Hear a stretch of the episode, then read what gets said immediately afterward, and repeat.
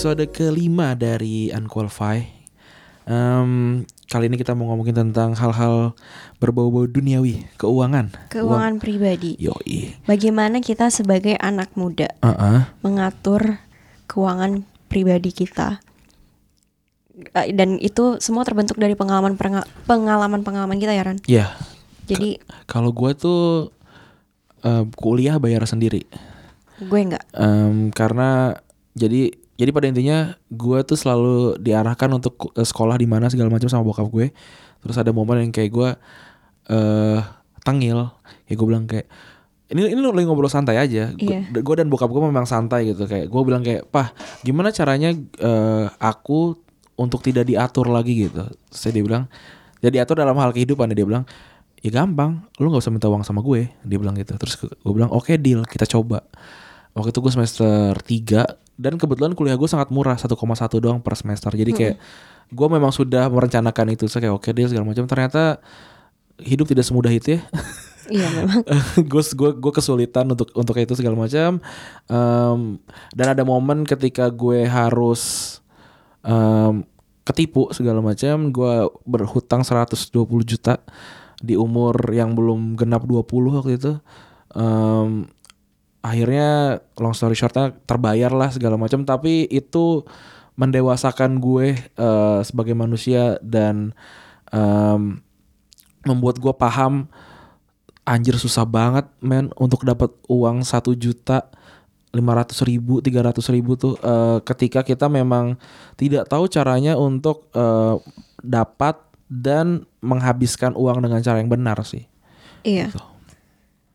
kalau lo gimana Gue mungkin pengalaman gue belum se ekstensif lo ya. Hmm. Dalam arti gue baru pulang nih dari London. Em, belum genap satu tahun. Terus em, di sana kebetulan mahal. Jadi mungkin pengaturan hidup gue ya sesuai dengan kehidupan gue di sana aja. Iya. Tapi em, uang jajan gue sebenarnya nggak sebanyak teman-teman gue yang lain. Mungkin salah satu strategi gue adalah untuk ukuran orang untuk tinggal ukuran di yang London. tinggal di London itu cukup kecil. Tapi gue juga nggak boleh kerja sama bokap. Iya. Jadi gue ngikut, which is like I think it's kind of stupid. Tapi ya gue ngikut aja gitu. Apa kata dia? Em, bank gue minus pernah. Uang gue di bank minus 63. Jadi overdrawn. Em, tapi habis itu langsung harus dibayarkan. Ah. In, in- long story short, ya inilah eh, gue nggak pernah sampai kayak Randy yang sampai harus utang ratusan juta.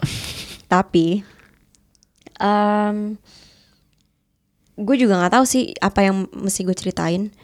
Tapi di situlah gue kuliah di luar sendiri dan ada kayak allowance gitu. Gue belajar bagaimana how not to put all of my eggs in the same basket. Bagaimana tidak mencaruh, mentaruh, bagaimana tidak menaruh semua telur di dalam keranjang yang sama. Ya, biar biar kalau nggak pecah eh kalau pecah nggak semua. Iya Ya, gitu. kira-kira seperti itu. Kira-kira seperti itu dan ngebudget lah. Ini Hmm. buat makan, ini buat jalan-jalan, ini buat apa. Makanya banyak teman-teman gue yang suka nyindir gitu kan kayak lo ke lo udah tinggal di UK kok belum ke mana-mana sih? Belum ke Scotland belum ke mana belum ke mana? Foto IG mahal anjing. foto IG-nya masih gitu-gitu aja. Iya mahal anjing. Gitu aja sih. Terus kayak Em, kayak gue kayak Ya. kan sosial ek- apa sosial lu kan ada di posisi yang atas nih. Tentu saja lu hangout sama orang-orang yang sosial sosialnya di atas di situ dan ekonominya segitu juga gitu. Terus kan berarti kan kayak lu tong lu tongkrongan lu di mana? Tony Romas untuk makan? Atau kalau makan di Indonesia rembulan? Iya, Kak, gini sih, kalau misalnya di, ini Jakarta ya, kalau misalnya ada rapat gitu, gue sering sering makan di kansup dulu, baru gue ikut rapat. hmm Jadi kan misalnya kan rata-rata kan kalau di Indonesia kita rapat di mall, ya which is like totally fine gitu menurut gue. Tapi kalau gue kan masih unpaid internship, terus ada tabungan gue. um, kalau misalnya gue jadi pembicara ke mana gitu, gue dibayar. That is my income. Jadi I I have invested some of the money. Ada satu usaha yang belum gue mau umumin saat ini. Mungkin lo tahu tapi Iya. kan, tapi gue- nggak gue nggak mau umumin saat ini Iya. karena belum boleh. Udah tanda tangan juga. Anyway, um, ada itu. Terus, um, ya like gue ke mall iya rapat di mall iya ketemu temen di mall iya tapi bukan tiap hari gitu Ya. dan kalaupun iya misalnya gue lagi cekak banget duitnya cekak ya istilahnya ce- Cekak, cekak gue makan di kansup nggak nggak ada masalah atau di depan mallnya kalau di di Plaza Indonesia Grand Indonesia tuh banyak Ya, di pinggir- kaki lima di ah, depannya pinggir-pinggir, ah. yang PKL walaupun gue ko- komplain mulu, komplain mulu bahwa banyak PKL gue sangat terbantu dengan adanya Hmm. mereka di tempat mag di kantor magang gue eh, juga makannya gratis jadi ya makan di situ kalau misalnya ketemu ketemu aja gitu beli kopi lah apalah yang memang cuma enak kalau di tempat yang agak mahalan gitu? Yes. so that's how I you know that's how I roll kalau misalnya di London gue tentu membatasi diri sih Ran. Um, ini gue cerita doang. Ini bukan gue bermaksud julid atau apa. Gue hanya menceritakan. Gue pernah makan di suatu di satu steakhouse yang cukup mahal tapi gue memang udah punya budget untuk makan di situ karena it was like one of my last days or whatever. Itu pas gue foundation. Terus gue pergi sama beberapa temen gue orang Indonesia. Hmm. Um, lalu eh pas billnya datang menurut gue tuh mahal banget Ran. Mahal banget. Sampai seribu Hmm. pounds. Dan gue gue sih nggak mesen yang kayak aneh-aneh gitu. Iya, iya. tapi gue kaget anjir. Ini kan emang karena beberapa orang kan. Iya. tapi ada yang ngomong gini ah masih mahalan gue minum-minum semalam.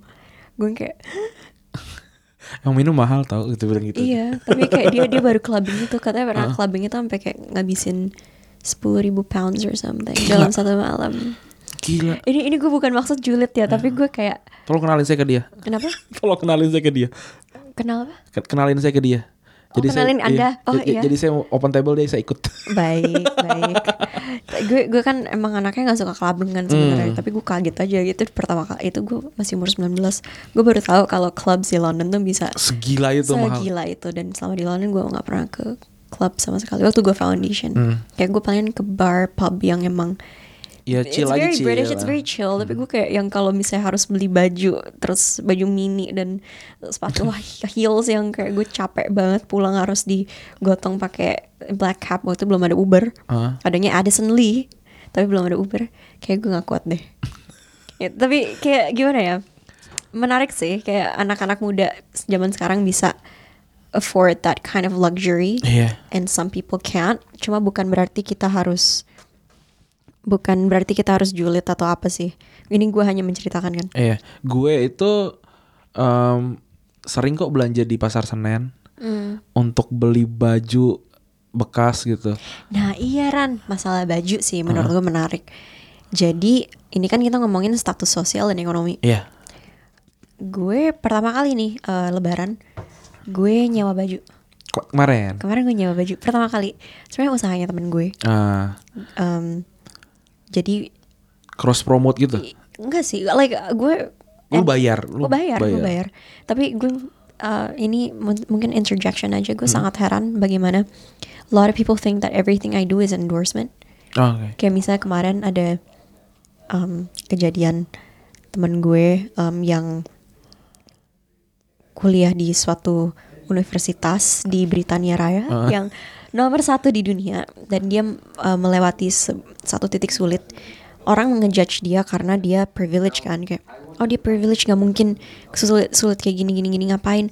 Masih banyak orang yang lebih sulit hidupnya. Bla bla bla gitu. Um, anyway terus banyak yang komentar dia tuh harusnya finance-nya diaturnya secaranya begini. Ah, dan ini gue menya ini menyadar bikin gue sadar kalau selagi kita muda we're still making mistakes in our financial decisions termasuk lo iya. bahkan orang tua gue pun yang sudah tua juga kadang masih kok bikin mistakes Kepleset, dalam- kepleset tuh Kepleset- wajar kepleset ya. itu wajar jadi uh, bagi orang yang ngata-ngatain dia fuck you sebenarnya like fuck you I hope you suffer in life you Hmm. not your family karena lo harus lihat realitanya aja sih kayak ya, ya seenggaknya dia usaha gitu dia udah usaha sebelumnya you don't know the whole story you don't fucking deserve to know the whole story Hmm. tapi um, apa ya itu membuat gue sedih karena dia sama sekali nggak minta gue quote unquote endorse dia atau apa Bantu nge-tweet pun enggak. Enggak, gue gue ngeliat itu di instastorynya dia. Terus gue yang kayak, ya ampun dia bisa kayak gini gitu. Iya. Terus gue share. Terus lo ma- um, manusia-manusia kayak lo malah bikin temen gue lebih down lagi di saat yang dia lagi down banget. sampai gue nangis loh gue merasa bersalah sama teman gue gitu loh dan gue nggak endorse atau apa pun Iya. dan it's just because her parents made a financial mistake and ada masalah keluarga lain dan dia juga masih muda dibilang saya pas, masih muda saya begini saya begitu saya begitu ya not everyone has the privilege to go through stuff early gitu Again, jangan pakai sepatu orang. Iya jangan pakai sepatu orang dan dia jangan pak gini jangan coba masukin orang di sepatu lo. gitu, Iya, maksud itu. gue sih. Iya. Dan dia juga masih muda. Um, anyway, long story short, ngomong soal baju, gue jadi inget dikatain gara-gara baju. Gue baru nyewa baju. Anyway, ini bukan promotion Hmm. atau endorsement atau gimana, tapi gue pertama kali uh, sewa baju.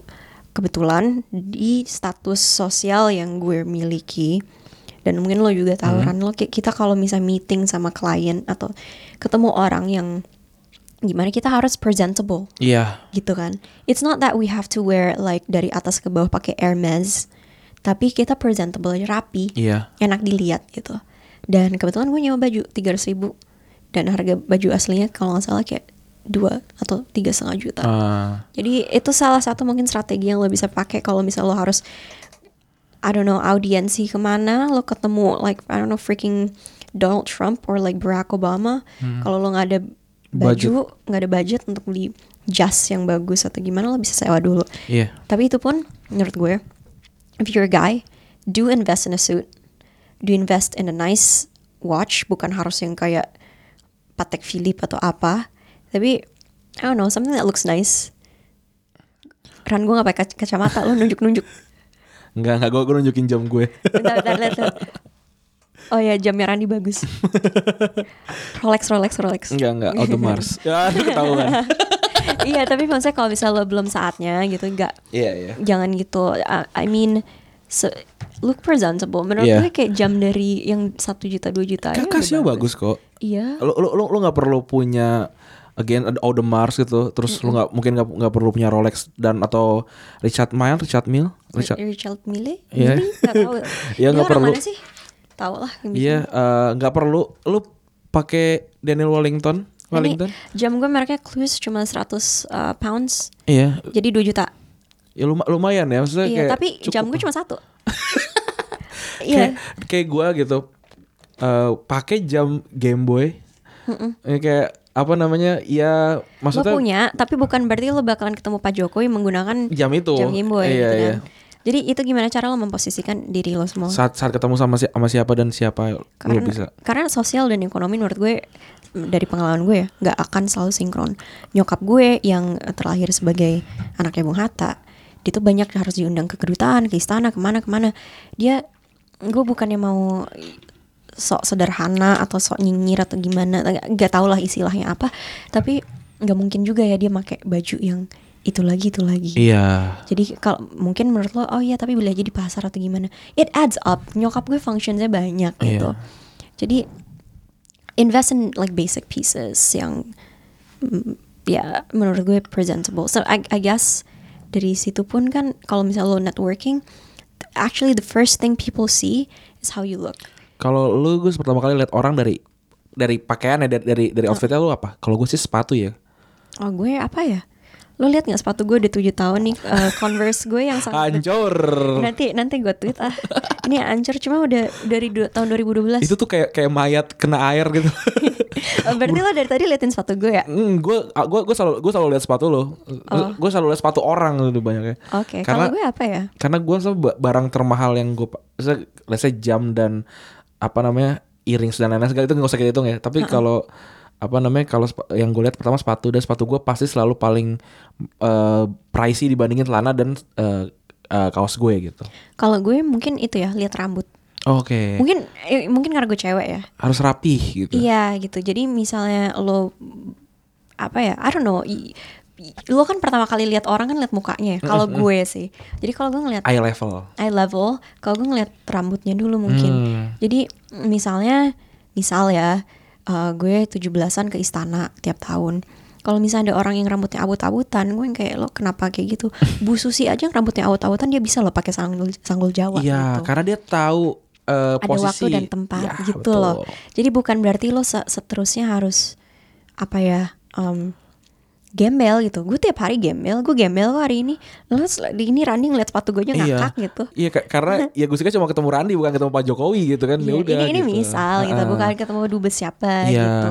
Jadi pembawaan dirinya juga beda. Gue suka Kanye West, suka sekali Hmm. gue suka. Em, tapi gue nggak gue nggak suka kalau dia misalkan harus ke mana tapi dengan pakaian bolong-bolongnya itu gitu maksud gue. Iya, iya. Ya maksudnya kan kayak ya fuck you I'm Kanye West gitu kan tapi kan tetap aja gitu. Iya. So I don't know, like menurut gue sih ini karena I don't know, ini topiknya personal personal finance. Ya, um, bukan berarti lo bisa ngejudge orang dari apa yang mereka pakai Iya, juga benar. gitu. Kayak sering banget kan kayak siapa Mark Zuckerberg di- dibilang Zuckerberg, kayak ya. pakai baju eh, yang sama segala macam segala macam gitu kan. Iya, tapi karena itu emang udah jadi ciri khasnya dia kan. Iya. Tapi dia ke White House nggak mungkin dia Nggak mungkin pakai kaos doang. Itu dia pakai kaos doang sama Jokowi karena Jokowi yang datang ke kantornya dia. Iya, tapi ada yang kayak gitu dan semua orang kayak wah dia keren. Almarhum Bob Sadino. Oh iya. Cuma- eh, lo tau nggak Bob Sadino eh, waktu punya pertama kali kayak ternak ayam yang bantuin bokap gue. oh iya, Iya. dia dia keren banget sih. Dia Iya, Opa Bob dan lu, lu kenal, kenal ya sama kenal. kenal. Oh, Makanya nyokap gue kalau belanja suka Camp Camp Chick. Chicks dulu. Iya. dia keren banget dia, dia kayaknya se- se- se- sejauh yang gue tahu yang foto pakai celana pendek sama Pak Soeharto itu Om Bob doang gitu. iya, tapi nggak ke istana. Itu, iya, itu iya. didatengin. Didatengin ke Iya. ke ke apa namanya ke ternak peternakannya Iya, gitu ya. ya masa lo ke per- eh, lo ke peternakan lo mau pakai sepatu Bali. Iya. It's by the way it's pronounced Bali, not Bailey. B, B- oh. Bali. B A L L Y itu ya. Iya. Oke. Kita lanjut ke ini ya, ke per- eh, pertanyaan salah. Apa namanya? Ke email pertama.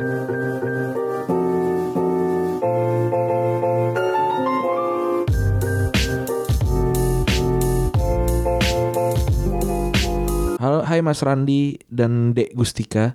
Salam kenal gue F. Hmm, hampir disebut dan gue baru tahu dengar dan ikutin podcast kalian gara-gara ngintip akunnya Gustika.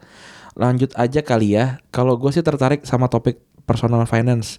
Topik yang menurut gue gampang-gampang susah. Soalnya gue juga dalam proses maintenance finance. Ya sebenarnya kita harusnya udah terlatih gitu meng- mengkontrol finance kita. Mulai dari anak kosan yang bahkan udah alumni kampus harusnya udah terlatih gitu kan makan asam garam kehidupan. But maybe shock effect fase kehidupan beda-beda kali ya. Lifestyle berubah, sering pemasukan berubah. Mungkin terdengar memalukan kalau diceritain tapi gua mau sharing aja sebagai bahan pembelajaran gitu. Ketika lo punya pemasukan yang bertambah bukan berarti konsumtif lu juga bertambah. Keep sederhana dan bertambahlah ber- bertambahlah berbagi kepada sesama. Thanks sebagai kesempatannya Rani dan Gustika. Iya, em gue harus mengakui gue sempat punya gaji di bawah UMR. Maksudnya gue gua, gua sempat berdagang eh, di bawah gaji gue dapat di bawah UMR, gaji UMR di atas UMR melebihi UMR dan maksudnya selanjutnya gitu. Dan iya benar eh, pemasukan bertambah, pengeluaran bertambah. Again bukan karena gue boros sebenarnya, tapi karena gue menyesuaikan sama siapa gue berhadapan saat saat Iya. sekarang gitu, kayak gitu. Nah itu sebenarnya lo you worded it really nicely. Tadi gue dari dari tadi tuh pengen ngomong kayak gitu, cuma kayak kata-katanya tuh nggak ketemu. Kayak gimana ya ngomongnya? Kayak gue kayak kasih contoh Pak Jokowi. Mm-mm. Ya kita, kita tahu kita berhadapan dengan siapa gitu. Iya. Hmm, terima kasih dia dia dia nggak bertanya sih dia cuma curhat doang. Em, Terima kasih. Dan soalnya kalau misal lo presentable itu juga menghargai orang yang lo hadap. ya oh Gus eh, ingat ya tweet sempat agak viral juga kayak gue gue nggak suka deh sama cowok sama cowok yang kalau ngedate itu pakai sepatu running shoes Iya. sedangkan si ceweknya itu selalu berpakaian rapih gitu. Kalau menurut lu gimana? Kalau kalau gue sih nggak ada yang salah sama running shoes ya. Toh eh, running shoes yang gue pakai pun bukan running shoes yang jelek gitu maksud gue ya ya seenggaknya bersih lah gitu. Menurut gue everyone is allowed to have a pet peeve. Hmm. I think it's her pet peeve bahwa dia nggak suka ngeliat cowok pakai running Iya, shoes. Ya gue kayak gue pernah nge-tweet juga, gue nggak suka uh, lihat cowok gue pakai topi kupluk yang nggak nutupin kuping, Oh. kayak kondom. Iya, yang kayak dilipat satu lagi Iya, gitu gue ya. nggak suka. Itu Iya, pet iya, peeve aja. iya, Jadi menurut gue dia punya hak untuk berpikir seperti itu. Tapi Sama- kembali lagi, Heeh. lo ngedate ke mana? Kalau Iya. ke mall Iya. doang, misal lo ke ke GI doang, terus Ya lo pakai kaos heels. aja lah, kaos dari ini segala cukup lah. Iya, gitu. tapi kalau misalnya diajak ke Hakasan gitu, yang Mm-mm, di, yang- di SCBD, terus cowoknya pakai running shoes, ya menurut gue wajar banget cowoknya kesel. Iya wajar sih. banget. Iya iya iya. iya. Apalagi kalau misalnya lo pakai running shoes itu lo bakalan sulit untuk diterima di beberapa tempat by the way. Iya. Iya. Dan beberapa tempat juga men- mensyaratkan laki-laki bercelana panjang Iya. eh, kayak gitu-gitu. Ya itu tergantung tempat dan eh, kesempatan sih. Iya. Gini deh pas lebaran, Hmm. nyokap gue kan pakai selendang. Hmm. Pas datang ke rumahnya eh, Kiai Haji Ma'ruf Amin, selendangnya dia pakai jadi kerudung. Iya. i- Cause that's out of respect Iya. aja. heeh. For someone who's older gitu. Iya. Tante gue pun begitu. Gue karena nggak bawa selendang, gue kayak, ya, gue nggak bawa selendang. Nyokap gue kayak, ya udah nggak apa-apa. Iya iya. kayak iya. ibaratnya lo masuk masjid gitu. Lo masuk masjid juga mungkin pakai celana pendek kan, kan? mungkin. Atau mungkin aja, mungkin lo lagi stop by dari mana gitu. Iya. Tapi lo pas sholat lo pakai Pakai sarung, kan. sarung. Jadi ada penyesuaiannya lah. Menurut gue tweet yang viral itu butuh konteks sih. Iya. Dibanding Soalnya kan cuma cuma marah doang kan kayak kayak ya gue gak suka gini gini Iya, gitu. itu kan cuma ngomentarin kayak ada beberapa tipe sepatu ini untuk apa untuk Iya, apa untuk iya, apa iya. dan memang ada uh, etika etiketnya. Heeh. Tapi ya kalau tau lah hidup kehidupan zaman sekarang udah nggak selalu melulu Semua dikomentarin. iya tapi kehidupan zaman sekarang pun nggak nggak melulu harus melekat dengan sebuah etiket dan norma-norma Iya, sosial iya. kan jadi um, on the one hand gue setuju sama dia. On the other hand I need context gitu sih. Hmm. karena cowok gue sendiri Dennis kalau misal dia juga dia tuh orangnya pemerhati fashion. Dia perlantai banget dia lebih dari gue sih. Hmm. dia kalau misalnya ada orang pakai sepatu yang salah dia juga kayak malas gitu. Dia misalnya dia, dia lihat orang ke kawinan gitu pakai jeans. Padahal uh, indoors gitu di hotel Iya. yang bintang 5 gitu Dennis juga pasti kesel banget gitu dia Iya, pasti iya. kayak ini orang nggak tahu cara berpakaian banget sih Gue kondangan tuh selalu harus pakai eh, apa sih namanya sepatu ini kan apa namanya sepatu Pantofel. pantofel kan.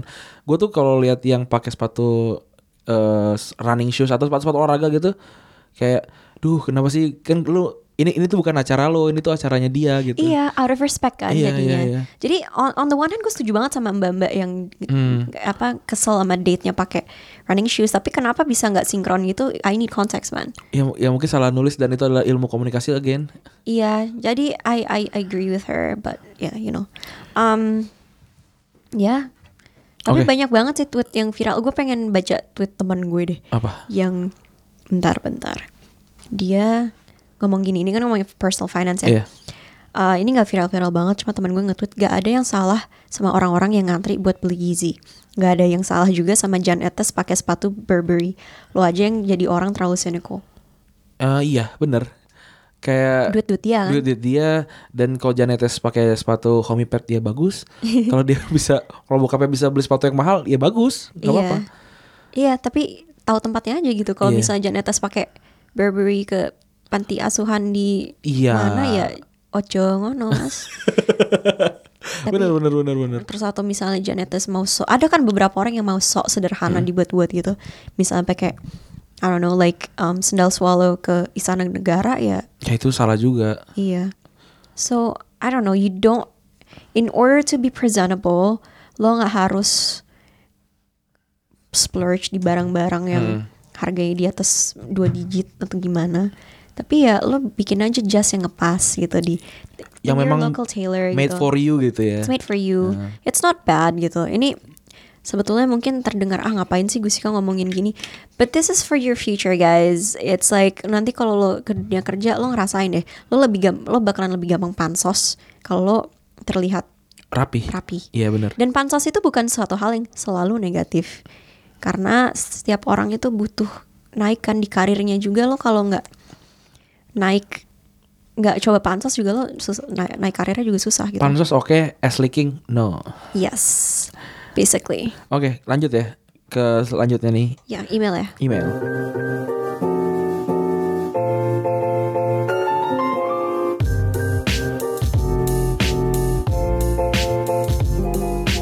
Hai Kak Gustika dan Bang Randi, gue sekarang lagi dilematis banget antara keinginan dan kebutuhan. Duit selalu aja jadi bahan yang panas, datang sebentar terus hilang. Bedain antara kebutuhan dan keinginan tuh susah banget, apalagi buat gue yang impulsif kalau lagi obsesi sama suatu barang. Gue lagi dilema antara benerin komputer dan beli laptop atau tukar tambah HP. Dan sekarang juga kepikiran untuk beli posture corrector. Oh, yang ditaruh di punggung ya karena bad- badan agak bungkuk dan agak insecure juga. Tolong dong kasih tahu cara tips untuk menyusun antara kebutuhan dan keinginan.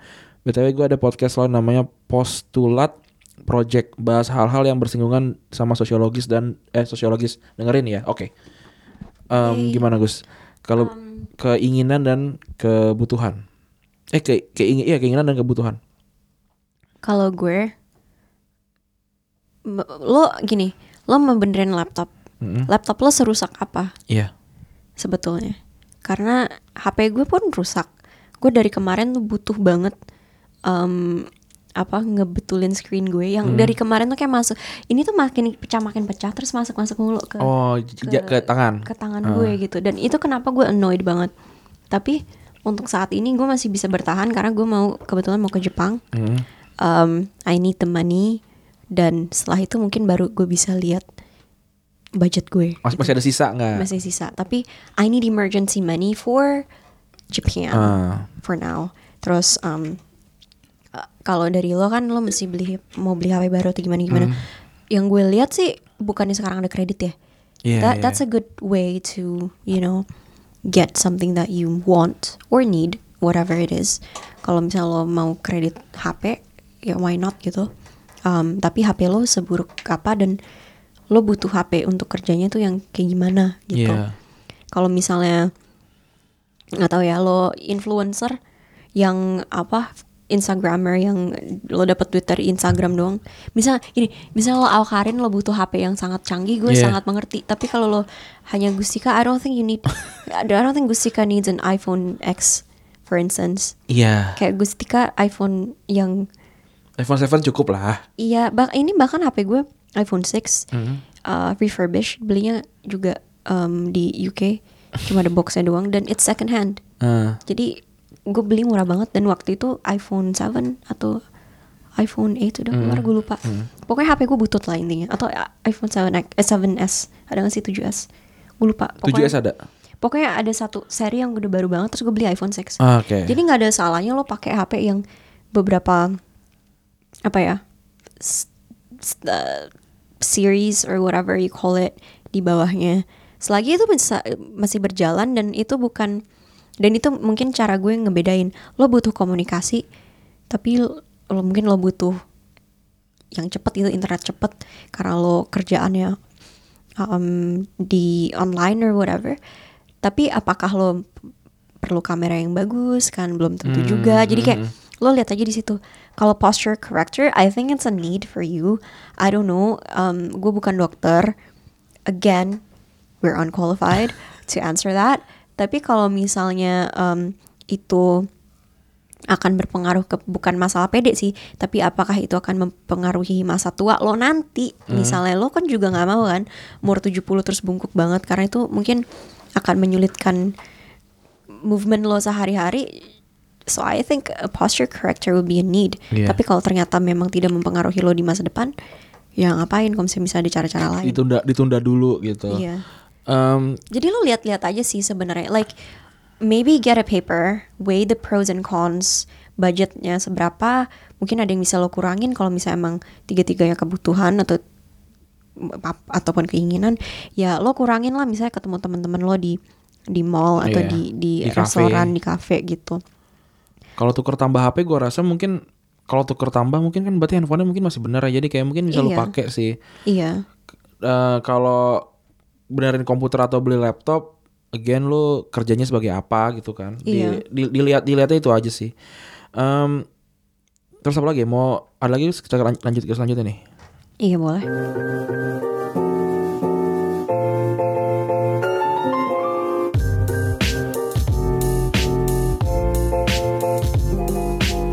Jadi eh, jadi gue tuh punya adik umurnya beda 2 tahun lah sama gue. Dia sekarang kerja di tempat bos gue dulu. Tapi gue udah pindah ke kerja sekarang. Nah di di kantornya ini dia sebenarnya kerja kerjanya berat banget. Senin sampai Sabtu dan dia double job gitu. Kerjanya juga overwork sampai malam hari eh, sa- sampai malam dari pagi. Dan gajinya nggak sebanding. Dia juga harus nginep di kantor Senin sampai Sabtu. Padahal gue udah ngontrak rumah. Sayang sayangnya doi nggak kelar kuliahnya karena satu hal. Jadi agak sulit nyari tempat kerja yang bisa kasih kerjaan dan gaji layak. Karena kurang dianggap aja gitu dia nggak punya gelar. Gue udah sempat bantu nyari kerjaan juga. Udah ada yang sampai interview tapi kerjanya ternyata lebih parah. Dengan gaji yang lebih kecil. Saking padat kerjaannya doi juga susah buat cari kerja baru dan harus izin dengan alasan yang dibuat-buat biar bisa interview. Rencananya sih habis lebaran ini mau cabut dari kantor. Mohon doanya semoga dapat kerjaan yang lebih baik. Gitu aja Amin. makasih amin. Oh berarti ini cuma curhat aja? Iya. cuma curhatnya tapi mungkin dia sebagai kakak kayak mungkin masih ngerasa kayak aduh kayak gue masih belum ban- bisa bantuin adik gue sampai adik gue harus kerja dengan apa ya dengan pendapatan yang segitu ya tapi maksudnya kal- kalau Wajar sih seorang kakak mungkin mikir gitu. iya iya kan ya. iya Yang nggak tahu gue kan nggak punya adik kakak. Tapi gue kayak selalu mikirin kucing-kucing gue. yang, yang penting kucing lu bisa makan deh Ya ini nyokap gue tadi nganterin gue. Kamu mau pergi jam berapa sih? Ibu nih butuh beli makanan. Kucing mereka lapar. Terus Coba- tadi tadi gue ngatain coba kucing gue bego kan Ran. Heeh. Terus nyokap gue bilang kamu jangan bilang gitu kasihan tulus. oh dia Terus ini bilang tapi kan emang dia bego. Iya kasihan. dia, dia, dia, dia sudah bego Jangan jadi dikatain bego. coba lu cek deh eh, kakak lu deh jangan emang kucing-kucing lu masuk kakak itu Kayaknya sih. Oke, ntar nih. Ini banyak banget yang cerita tentang ini ya, tentang relationship ya. Jadi kita tuh beneran sama sekali nggak jago tentang relationship gitu. Tapi boleh lah kalau misalkan ada spare waktu kita akan bacain sih. Tapi kita sementara ini dulu nih.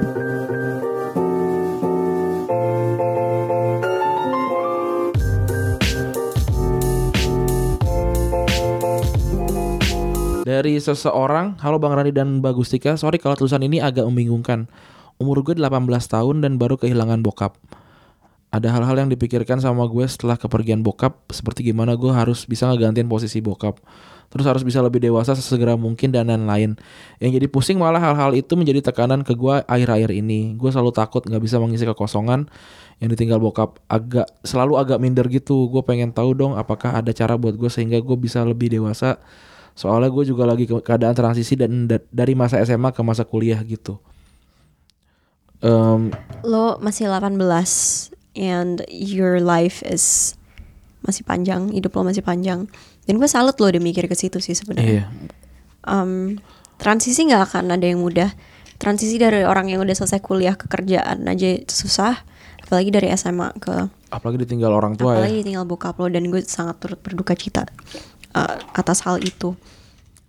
Um, menurut gue sih lo jangan terlalu terpaku sama gue harus gantiin bokap. Iya. Karena bokap lo nggak akan ada yang bisa gantiin. Sorry to say, like I'm not trying to be grim or anything, tapi bokap lo adalah bokap lo. Tapi lo harus memposisikan diri gimana lo bisa ngebantu keluarga lo sebisa lo. Kalau misalnya lo terlalu tertekan dan fokus untuk apa ya menggantikan seseorang, mungkin it's not gonna do well on your mental health menurut gue. Kayak gue lo udah nonton belum sih film baru um, di Netflix Yang Always Be My Maybe. ah belum kata ya? kata kata seru yang tentang temenan sama eh pacaran sama teman kecil ya. Iya, Heeh. intinya so, maaf kalau spoiler, Hmm. tapi yang salah satu karakternya itu dia terpaku karena ibu terpaku sama kehidupannya dia nggak mau berubah karena dia pengen ngegantiin posisi nyokapnya Oke. dan em, karena hal tersebut dia nggak maju-maju dan itu mungkin juga bisa jadi satu contoh bahwa kalau lo terlalu fokus dengan menggantikan posisi sese- seseorang lo nggak akan bisa maju you also have to find your own life gitu. Iya. Dan Gue- lu lu akan kehilangan ke- kehilangan waktu lu untuk mencari lu tuh siapa? Iya, dan um, uang bisa dicari. Ini mungkin karena topiknya personal finance. Lo mungkin harus cari yang paling efektif gimana ngebalance lo dapet income, but at the same time lo bisa ngejar mimpi lo sih. Iya. Jangan sampai suatu hal itu menghambat segalanya. If you need help, don't hesitate, hesitate and like ask for help. Misalnya, um, lo punya kakak adik gitu, atau adik, uh, adik lo uh, misalnya berapa tahun lagi lo umur 25 gitu, adik lo udah umur 18 juga gitu. Lo bisa bilang, dek, sekarang waktunya adik bantuin saya, bantuin gue pokoknya buat gini gini gini gini. Caranya gini gini gini. Why not, you know, transfer ilmu. Um, misalnya iya kita masih jaga nyokap gini-gini atau apalah. Gue juga anak gue kalau gue anak tunggal sih. Jadi kebetulan nyokap gue sih masih kerja. Tapi ya gue di sini nggak untuk nge- menggantikan posisi bokap gue. Hmm. kan bokap nyokap gue udah cerai gue tinggal sama nyokap. Dan gue pun nggak di nggak ke bokap gue untuk menggantikan posisi Nyokap. nyokap gue. Dalam arti misalnya ada ses ada apa ya gue nggak bukan yang kayak nyetrikain baju bokap yang bikinin dia sa ya gue bikinin sarapan juga sih kalau waktu di London tapi maksud gue gimana ya gue bukan yang kayak ngopenin gitu loh Hmm, ngapain, Nyok- ngapain ya, bahasa Jawa ya Hah? yang kayak ngurusin Oh, yang. Hmm. kayak se- selayaknya seorang istri ituin bokap tapi mungkin bokap agak sulit karena ki- kita nggak satu rumah ya Nah, tapi kalau sama nyokap gue bukan yang kayak misalnya menjaga gitu. iya iya gue menjaga nyokap dengan cara gue sendiri Iya. bukan kayak misalnya gue um, ya gitulah misal uh, apa Atau backup finansial juga gitu misalnya. Iya, kalau misalnya ada yang butuh kayak nyokap gue- ini kan mau ke Jepang, nyokap gue sebenarnya, aduh ini jebakan Batman banget, tiket murah. Tapi eh, ibu kayaknya uangnya uangnya lagi cekak. Ah, Ya udah nggak apa-apa, pakai uang aku aja dulu bu. Ah. Tapi nyokap gue nggak mau dibayarin. Jadi minjem. minjem. Minjem. Jadi di situ nyokap gue minjem duit gue, tapi gue bukan di situ untuk membayarin nyokap. Iya. Mungkin menurut lo yang pendengar kayak oh selayaknya lo mestinya bayarin nyokap dong ini-ini gitu-gitu. Tapi guanya pun belum mampu untuk bayarin Iya. nyokap gitu sih. Dan if I were in the position to fund my mother on her own, gue pasti bakalan melakukan hal tersebut. Tapi gue nggak dalam posisi itu. Dan pasti nyokap lo juga nggak mungkin minjem kalau lu kalau dia Iya. tahu lo semampu itu secara finansial kan. Iya. Dan mungkin ini lebih kayak apa ya bagi-bagi tugas saja kalau di rumah gue ya. Iya iya. Misalnya nyokap gue, aduh kamu lagi di ini beliin makanan kucing dong. Ya udah gue beli, tapi gue nggak minta ganti. Walaupun nyokap gue mau ganti, gue bilang oh ya nggak usah dulu deh. Ya Bu, tahu ini kan kucing apa-apa," gue gitu. juga. Iya kan, iya nggak apa-apa, Iya, iya, aku iya. aja gitu. Sama-sama gue juga gitu iya. Jadi untuk hal-hal besar, hal- hal-hal kecil lo juga harus perlu nakar lah intinya, ber- menakar. Jadi um, supaya lo nya juga bisa maju ke depan. Misalnya lo mau invest ke mana, lo mau uh, buka usaha kecil-kecilan, lo mau ambil short course, lo mau ini, lo masih ada uang untuk diri lo sendiri dan lo ada budget untuk me- mengisi lubang yang Ditinggalkan, ditinggalkan, ah. tapi bukan mengganti Dan gitu.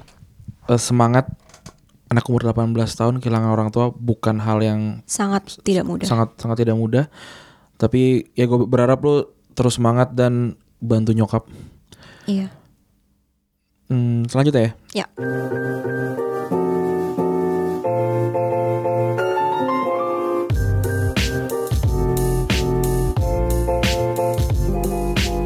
Nama saya bla bla bla bla, panggil panggil saya Papa Tibob. Anjir. saya ingin mengajukan pertanyaan gimana caranya biar mengelola uang biar nggak gali lubang tutup lubang di umur 25-an. Tips hard selling buat nambah duit, please ajarin personal branding juga, please. Em, Eh, kalau mau personal branding boleh undang Febri. ada deh. Em, ju- eh, biar nggak gali lubang tutup lubang, again tahu yang mana dibutuhkan, yang mana tidak dibutuhkan, yang mana kepengenan sama kebutuhan gitu. Kayaknya di umur segini unless you're like freaking rich yang kayak konglomerat banget gak mungkin lo hidup nggak gali lubang tutup lubang. Iya, iya. It's just part of life. Dan itu bukan suatu hal yang Yang yang yang negatif. memalukan, Ah. bukan suatu hal yang negatif. Um, I don't know.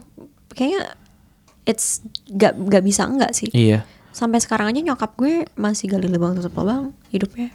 Em, berhutang tuh sebenarnya kalau jadi gini gue gue menceritakan sedikit apa yang bokap gue ajarkan ya jadi Iya. dia, dia bilang sebagai manusia em, sebagai pekerja lu tuh minimal punya lima kali gaji di rekening lu kenapa karena em, biasanya on average tuh orang dapat kerjaan baru itu sekitar 5 sampai enam bulan. Jadi ketika lu punya eh, lima kali gaji, lu aman untuk hidup lima bulan ke depan tanpa pemasukan. Iya. Itu kemudian kalau hutang lu tuh nggak boleh lebih dari 10% dari pendap eh cicilan lu nggak boleh lebih dari 10% dari pendapatan lu bulanan. Kayak misalkan pendapatan bulanan lu 10 juta gitu misalkan. Cicilan lu ya 10 1 juta lah gitu. Ya sekitar segitu. Plus minus boleh lah satu setengah satu setengah tuh masih boleh. Tapi setelah, se- eh, sejauh itu udah nggak boleh. Terus hutang nggak boleh nggak boleh 30% dari aset ya kayak gitu nggak nggak boleh lebih banyak dari itu karena apa namanya kan hutang juga akan terus membengkak segala macam ya sema- semacam itu tapi um, again lu lu lu cuma harus tahu eh, lu tutup lubang gali lubang tuh untuk apa gitu kalau memang Iya. untuk hal yang penting nggak masalah kayak untuk untuk Nyokolin adek lo. nyokolin adek lu atau tiba-tiba bokap bokap nyokap lu sorry sakit gitu misalkan ya lu harus gali lubang tutup lubang tapi kalau lu gali lubang tutup lubang lubang hanya untuk beli iPhone menurut gue sih ya lu kacau sih ngapain gitu Menurut lo asuransi penting gak Ran? penting banget Nah. penting banget Itu mungkin salah satu cara investasi yang Penting, bukan iya. in- I mean it's not literally an, an, an investment but it is an investment for your life in a sense that ya kalau lo misalnya tiba-tiba sakit knocks on wood ini gue ketok kayu um, jangan sampai itu bisa meringankan Iya. itu loh kayak, namanya? kayak kan lumayan ya gue bayar asuransi per bulan sekitar tiga ratus ribu gitu. Iya. Em, itu itu kayak gede gitu kayak anjir gue nggak dapet apa-apa tapi gue bayar uang gitu. Iya. Tapi kan kalau tiba-tiba gue sakit ya kan gue nggak perlu bayar apa-apa gitu. Lo tau gak Dennis dulu uh, pernah di waktu kita masih di London kita nyewa truk gitu dia pindahan dari Leeds ke London. Heeh. Terus um, bukan truk sih kayak van. It's, a, Ah. it's a van. mobil kotak gitu Mm-mm. Heeh. Terus dia nggak beli asuransi. Terus pas dia lagi mundur kena tembok itunya Mobilnya? Ka- ah, kaca uh, spionnya. And it cost him like I think 700 euros. I mean 700 uh, pounds, ish. Kali 20 ribu waktu itu. 14 juta buat Iya. buat sebuah spion Sebuah spion karena spionnya kayak elektronik gitu. oke Pakai- Iya. padahal kalau itu pakai asuransi ya udah di cover Padahal asuransinya cuma berapa? Dah. Dari situ Dennis selalu selalu selalu selalu beli asuransi. Terus ada juga kejadian satu orang dia lagi liburan, asuransinya dia cancel. Hmm. Uh, terus akhirnya dia kecelakaan ski atau jatuh dari tangga atau gimana yang ya naas lah pokoknya yang seharusnya nggak kejadian kejadian dan mahal dia harus bayar rumah sakitnya dan nggak di cover sama kedutaan waktu itu karena satu dan lain, Lain hal, hal. walaupun KBRI itu punya emergency funds Oke. untuk untuk uh, WNI tapi kayak kayak beli ba- barang online juga gue biasanya selalu pakai asuransi sih cuma cuma beda seribu atau dua ribu gitu Iya. daripada ntar barang gue hilang terus gak ada yang tanggung jawab Jadi mungkin menurut gue salah satu cara untuk prevent lo uh, prevent bahasa Indonesia apa ya? Mencegah. Tuh, mencegah lo gali lubang tutup lubang. Yaitu asuransi salah asuransi satunya. Eh, gak lubang tutup, tutup lubang dalam hal sakit lah kayak ini ya Iya sakit dan ya mobil kebakar tuh Iya, misalkan tiba-tiba kerusuhan Eh lo lihat gak sih uh, barusan ada di Bali 4 10 motor moge kebakar. oh gue nggak nggak tahu Jadi orangnya kayak lagi nge-charge atau mungkin kata orangnya pokoknya dari saat motornya tuh kebakar atau gimana. Terus ngerembet. mo- moge yang lainnya kena Ya, di Gila. Bali ada itu kemarin gue baca. Dan tapi juga bukan un- untuk kesehatan dan mobil doang sih, tapi Hmm. kayak misal lo belanja online lo apa. Jadi misal lo lagi let's say lo lagi kredit HP iPhone yang lo pengen gitu. Which is not wrong kalau misal lo memang udah Mampu. ada budgetnya gitu, udah ada udah mampu, udah ada budgetnya. Tapi kalau misalnya lo tiba-tiba sakit dan lo nggak bisa bayar utang tersebut, itu sedih sih. iya Jadi asuransi itu salah satu cara pencegah, pencegahan yang kena ke semuanya. BPJS oke boleh, tapi BPJS juga ada beberapa limitasi sih menurut gue. iya Kalau um, asuransi yang biasa setahu kayak life insurance gitu, misalnya ada yang meninggal again, knock on woods, um, itu penguburan juga di, diganti. all risk gitu ya All risk, oke ah. ada ntar dulu ntar Ini gue kayak jualan- ju- jadi jualan asuransi. tapi memang penting sih kayak eh bokap bokap gue gitu dia dapat asuransi dari eh pekerjaannya tapi dia tetap punya asuransi pribadi karena maksudnya kayak yang pekerjaan tuh mungkin buat buat dia kurang atau mungkin tidak nyaman Iya. tempatnya atau segala macam itu eh dan asuransi itu bukan untuk orang privilege ya itu orang semua orang tuh harus punya asuransi Iya. BPJS pun again itu adalah bentuk asuransi, Asuransi, tapi iya. it's it doesn't cover every single Hmm. thing gitu. kayak eh, asuransi pendidikan itu juga dilakukan sama nyokap gue karena em, Iya. pendidikan mahal banget untuk Sangat. eh, jadi jadi dilakukan itu dari dari jauh sebelum anak-anaknya lahir dan itu Iya. untuk anak umur 25 eh, 25 sampai 30 asuransi itu jangan sampai di jangan sampai dilupakan sih karena karena kayak kayak umuran gue kayak sekarang kita mikirinnya reksadana terus Iya. main emas segala macam tapi Jangan lupa lo nabung. ya nabung Ini nyokap gue juga bisa pinjem duit gue karena gue nabung. Jadi gue tuh kan uh, pas kuliah di luar, tante-tante gue apa segala macam mereka gak kan keluarga keluarga gue deket. Mereka sangat generous. Jadi kayak mereka suka ngasih gue dolar. Ini ya gue sika 100 dolar. Ini gue sika 200 dolar. Jangan itu ya apa jangan kelaparan yang di sana atau gimana. Tapi gue nggak pernah tukar. Ah, akhirnya yang gue lakukan adalah gue buka tabungan dolar. Ah, apakah gue seneng kalau dolar naik? Nggak juga. Tapi intinya gue punya, punya tabungan dolar. Hmm. dan itu untuk emergency gue. Karena gue tahu gue nggak mau nuker dolar gue gitu. Jadi itu satu it's not itu bukan deposito tapi ya it's easy for emergency money gitu Iya, kayak iya, iya. ini Kayak kayak uang kayak lu ma- pakai celana terus ngerogoh kantong, wah ada dua puluh ribu nih. Nah itu kayak gitu tuh, Iya, iya. semacam-macam kayak gitu tuh. iya tapi kalau misalnya um, ngelihat tabungan biasa memang jiwa miskin saya bergejolak gitu Oh iya ya. Kayak, sangat kayak ta- tabungan mati, tabungan mati saya juga kayak nih kok gue umur segini masih segini gitu kadang-kadang. iya Iya, iya. gitu tapi I can survive on my own gitu Iya iya. dan um, kebetulan kalau gue sih untuk asuransi gue masih di plan nyokap sih Ah. tapi mungkin suatu hari gue nyokap gue bisa di dalam plan gue Yoi. ya kan Yoi. itu salah satu caranya mungkin kalau yang tadi nanyain siapa gimana cara quote unquote ngegantiin posisi bokap bukan ngegantiin tapi filling in the holes maybe itu salah satunya Kan karena eh, mungkin ya apa namanya shout out buat semua ayah gitu. Dia bisa mengcover semua keluarganya, tapi ketika dia nggak ada, atau semua nyokap semua nyokap ya, Eh, semua orang tua lah kita Iya. bilang. Em, apa namanya itu, tapi ketika mereka tidak ada, em, apa sih namanya semua semua semua member family-nya tuh sangat kesulitan sekali untuk untuk ngisi lubangnya satu orang yang meninggal itu gitu kayak. iya tapi lo gak akan pernah bisa ngegantiin Nggak, mereka nggak ada. jadi nggak kalau misalnya mau kita list Ran kita list aja deh biar para pendengar juga lebih gampang menurut lo yang penting apa aja Eh, untuk eh, ini ya sumuran kita ya. Iya. Yang- Never, firstly, never put your eggs in the same basket. Iya. Kalau gue yang pertama adalah tentu saja asuransi. Asuransi. Kedua, karena tadi tabungan. tabungan. Kemudian selanjutnya adalah em, investasi. Mungkin karena sekarang umuran 25 ya. Investasi berapa persen menurut lo? Investasi gua gua agak cukup besar sih kayak gua tuh sekitar 20 sampai 30% persen gue saat ini. 20 sampai 30 persen. Kalau tabungan menurut lo, lo mesti nabung eh, biar aman nabung Oh jadi eh, kalau itu mungkin agak tricky tapi kayak menurut gua tabungan itu adalah uang yang pertama kali lu ambil, bukan sisa. Iya. Kayak misalkan gaji lu 10 juta per bulan, lu tabungan 3 juta gitu. 3 juta itu pertama yang gua ambil. Kemudian sisa 7 juta yang gua pakai untuk hal-hal yang gua, gua butuhkan di bulan itu. Kalau gue sih gitu. Kalau lu gimana? Kalau gue karena kan income gue belum itu ya. Ah, oh, masih fluktuatif. ah, ah, ah. Jadi kalau bel- belum pasti ya. belum pasti. Jadi kalau gue uh, coba nabung misalnya gue dapet my math is bad. Hmm. Tapi kalau misalnya gue dapet um, 1,5 juta gitu. Ah.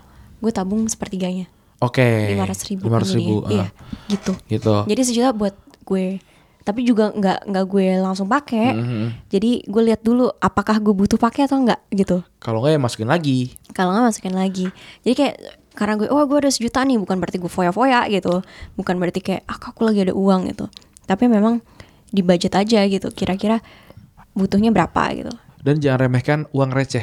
Mm-mm. Karena gue anak kosan, aduh gue gue sempet ini ini ini ini, ini tolol sih. Jadi eh dua orang ini namanya Toro dan Bimo. kita tuh kita tuh miskin lah. Iya. Kita tuh miskin. eh kita nggak punya banyak uang gitu. Em, jadi waktu itu waktu itu bulan puasa. Waktu bulan puasa kita saking nggak punya uangnya kita tuh patungan aja cuma kekumpul 15.000 ribu atau 20.000 ribu gitu. Terus kita ngasih ngasih ke teman ke, ke apa namanya ke teman kita satu si Toro itu kayak Tor ini nih ada uang segini kita butuh buat buka puasa lu beli deh apa gitu. Oke mantap. Jadi dia pergi terus dia datang pulang bawa apa?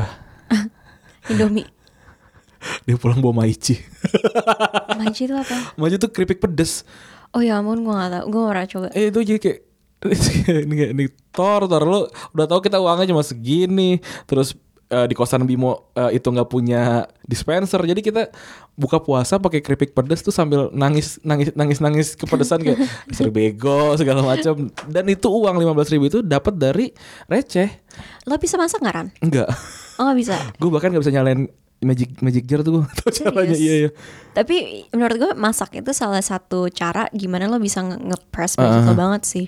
Tapi mungkin kalau di Indonesia cukup murah ya lo bisa makan di iya iya iya, pinggir iya. jalan atau gimana. Tapi waktu gue di London, it, it's a way of like living very Oh, on a budget gitu.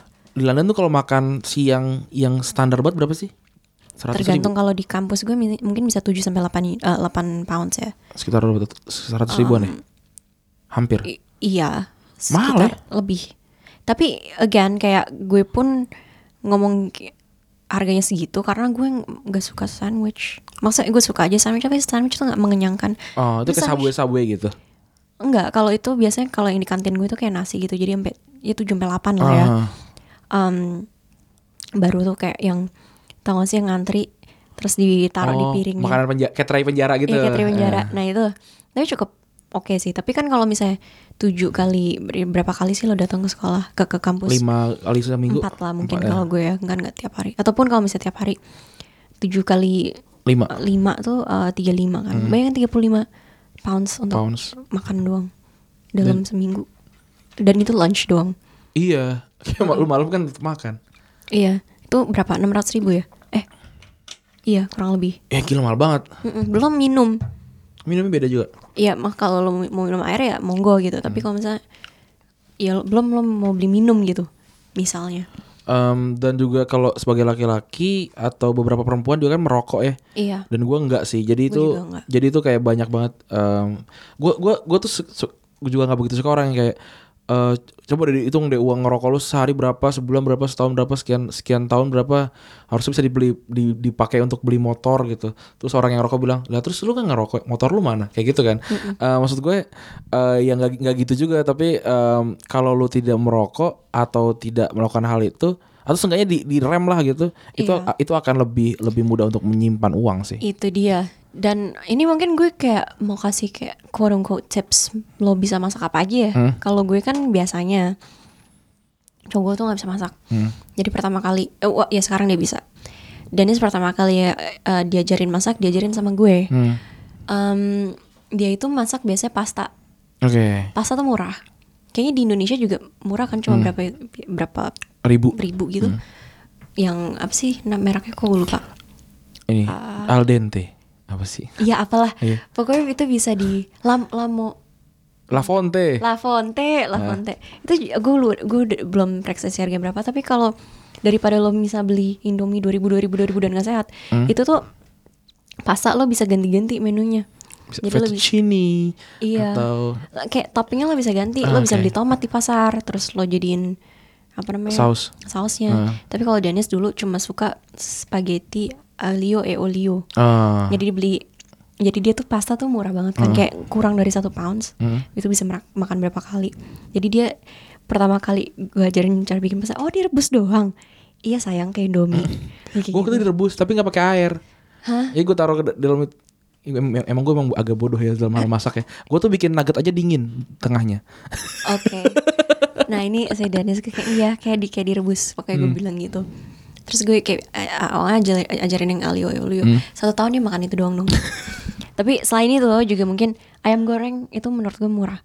Yang bumbu kuning ya. Iya. Eh. Lo, lo tinggal uh, apa namanya ungkep aja kan. Mhm. Lo beli ayam di pasar ungkep. Terus itu bisa buat berapa minggu gitu. Ini Kayak tips seminggu. untuk anak anak kosan nih. Mm-mm, kalau ya mau kan? makan sehat ya. Hmm. Atau nasi sama sayur. Dan kalau gue biasanya bawa minum. Nasi tempe. Mm, Bawa minum ke mana-mana tuh itu juga paling penting tuh karena minum mahal banget. Tapi kalau di kalau di waktu gue kuliah di luar tempe kan kemewahan ya. Oh iya. Iya, itu jarang ada. Tahu bisa lah, lebih Lebih, lebih mahal ayam atau tempe? tempe, dong. Minum mahal ayam terus. Iya makanya, makanya gue di sana makan ayam goreng mulu. Atau nggak beans um, kacang merah? Ah. Itu gue suka bikin nasi sama kacang merah. Emang enak ya? Eh dimasaknya Kayak nato gitu. semacam, tapi nggak. I, I don't know, like red beans, Oke. like just beans. Um, Kayak sayur kali ya. Kayak kayak dibikin sayur gitu. iya, Nah. Kalau kalau waktu zaman gue kuliah tuh gue ya gue tuh gue gue jarang buat makan yang me- mewah tapi gue memang membudgetkan diri untuk makan mewah gitu. iya gue juga gitu. Heeh. Karena gimana ya, kalau gue karena gue tinggal di luar Hmm. saat itu, I, I I don't know kapan gue bakalan balik lagi kan ke Indonesia. ke London. Oh, in- ke Iya, London, ah. Ke London. Jadi ya mungkin sebulan sekali gue makan yang kayak gue pengen yang enakan dikit Iya gitu iya yang iya. kayak Yang ada di Zomato. iya yang ada Zomato yang ya lo cobain lah maksudnya lo tinggal di luar juga lo harus cari pengalaman juga Iya. kan bukan misalnya kayak sengsara se- sengsara karena apalah jadi Oke, coba tadi kita list yang Oh tadi iya, sorry, dari mana tuh? tadi kita, Kita ulang dari awal ya, dari awal. asuransi Asuransi, tabungan tabungan, terus Investasi. investasi.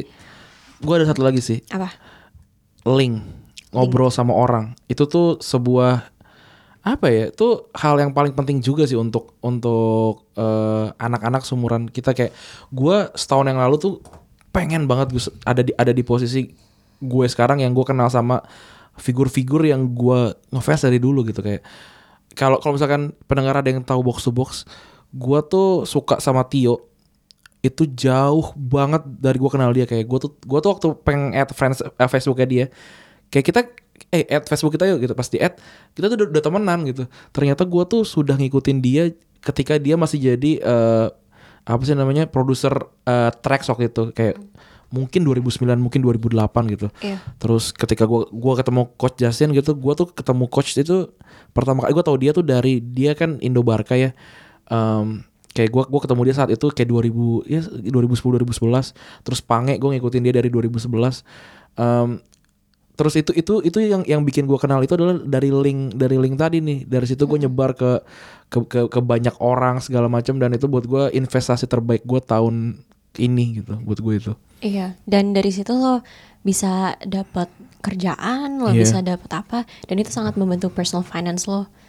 Tapi kembali lagi, lo ketemu dia, ini ngomongin topik baju dan lain-lain, Mhm. ketemu mereka, bukan berarti gimana ya?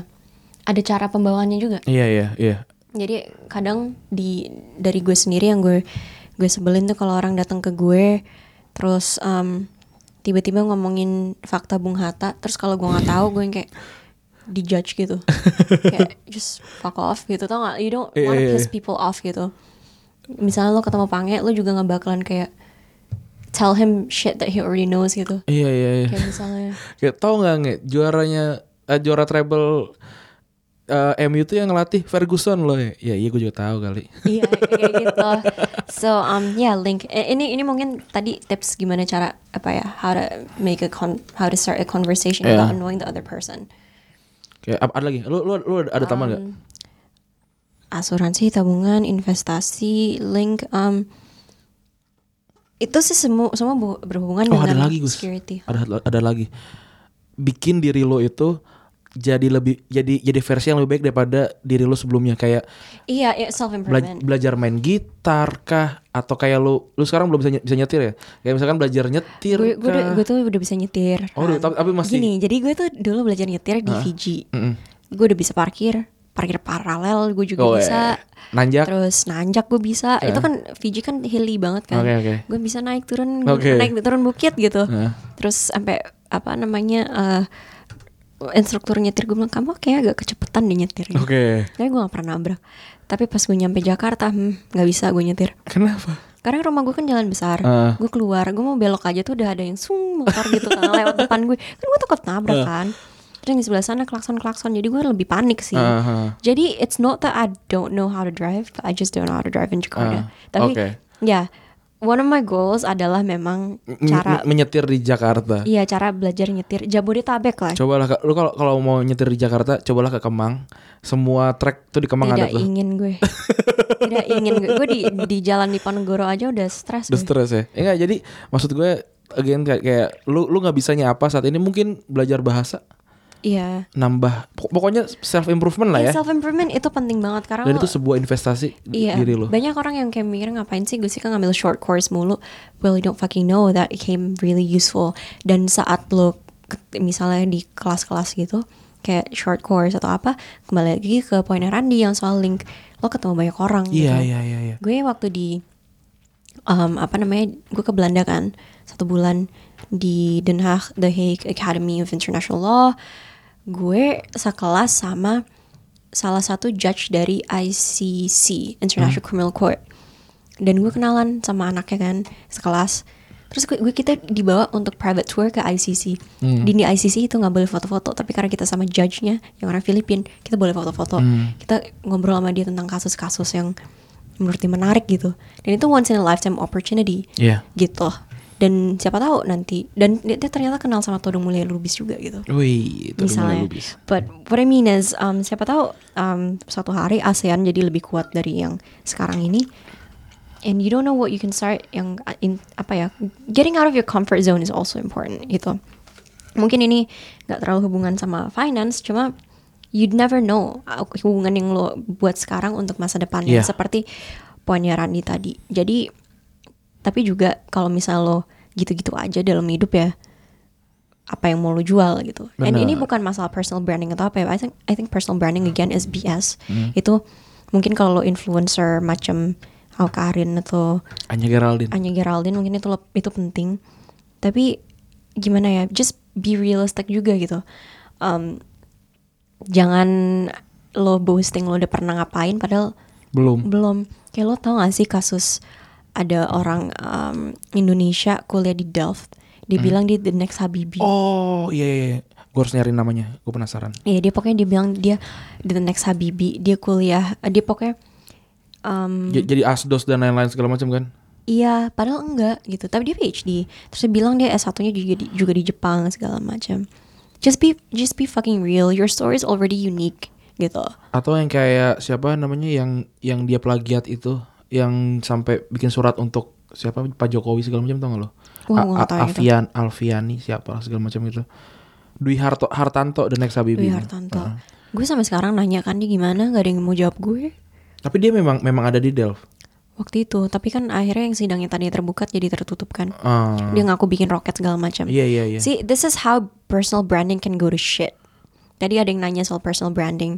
Just be real. Tak jangan kayak gue paling males kalau dibilang semua yang lo lakukan adalah personal branding. It's it's fucking not gitu. Hmm. Kadang kadang gue tuh tau gak Ran sampai Febri kaget gue ceritain.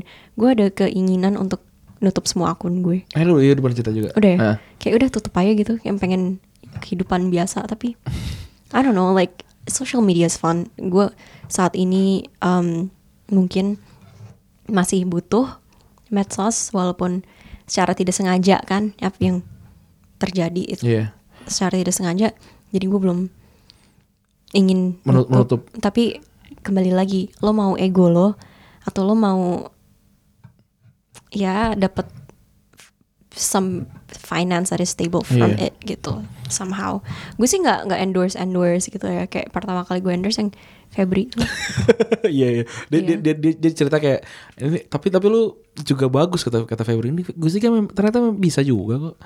I- iya tapi gue nggak akan endorse produk yang nggak gue pakai Iya iya. gue memang kalau ke apa namanya gue emang ke Pertamina kalau misalnya isi bensin Iya. Oh lu benar benar benar gue gue setuju. Ini, ini mungkin agak agak agak melenceng tapi gue nggak suka sama kayak kayak hey guys follow deh akun Instagram favorit aku kayak fuck lu nggak mungkin follow itu. Kayak ini ini pakai deh apa namanya eh, pelembut eh, wajah favorit aku. Enggak lu nggak mungkin pakai itu. Iya. kayak tolong dong para apa ya namanya itu influencer kalau lu Buzzer. kayak buzzer gitu kayak lu kalau emang nggak pakai gak usah ngomong gitu gitu. Iya, nanti kasusnya jadi kayak ada salah satu penyanyi Indonesia yang jadi kasus gitu kan. Mhm.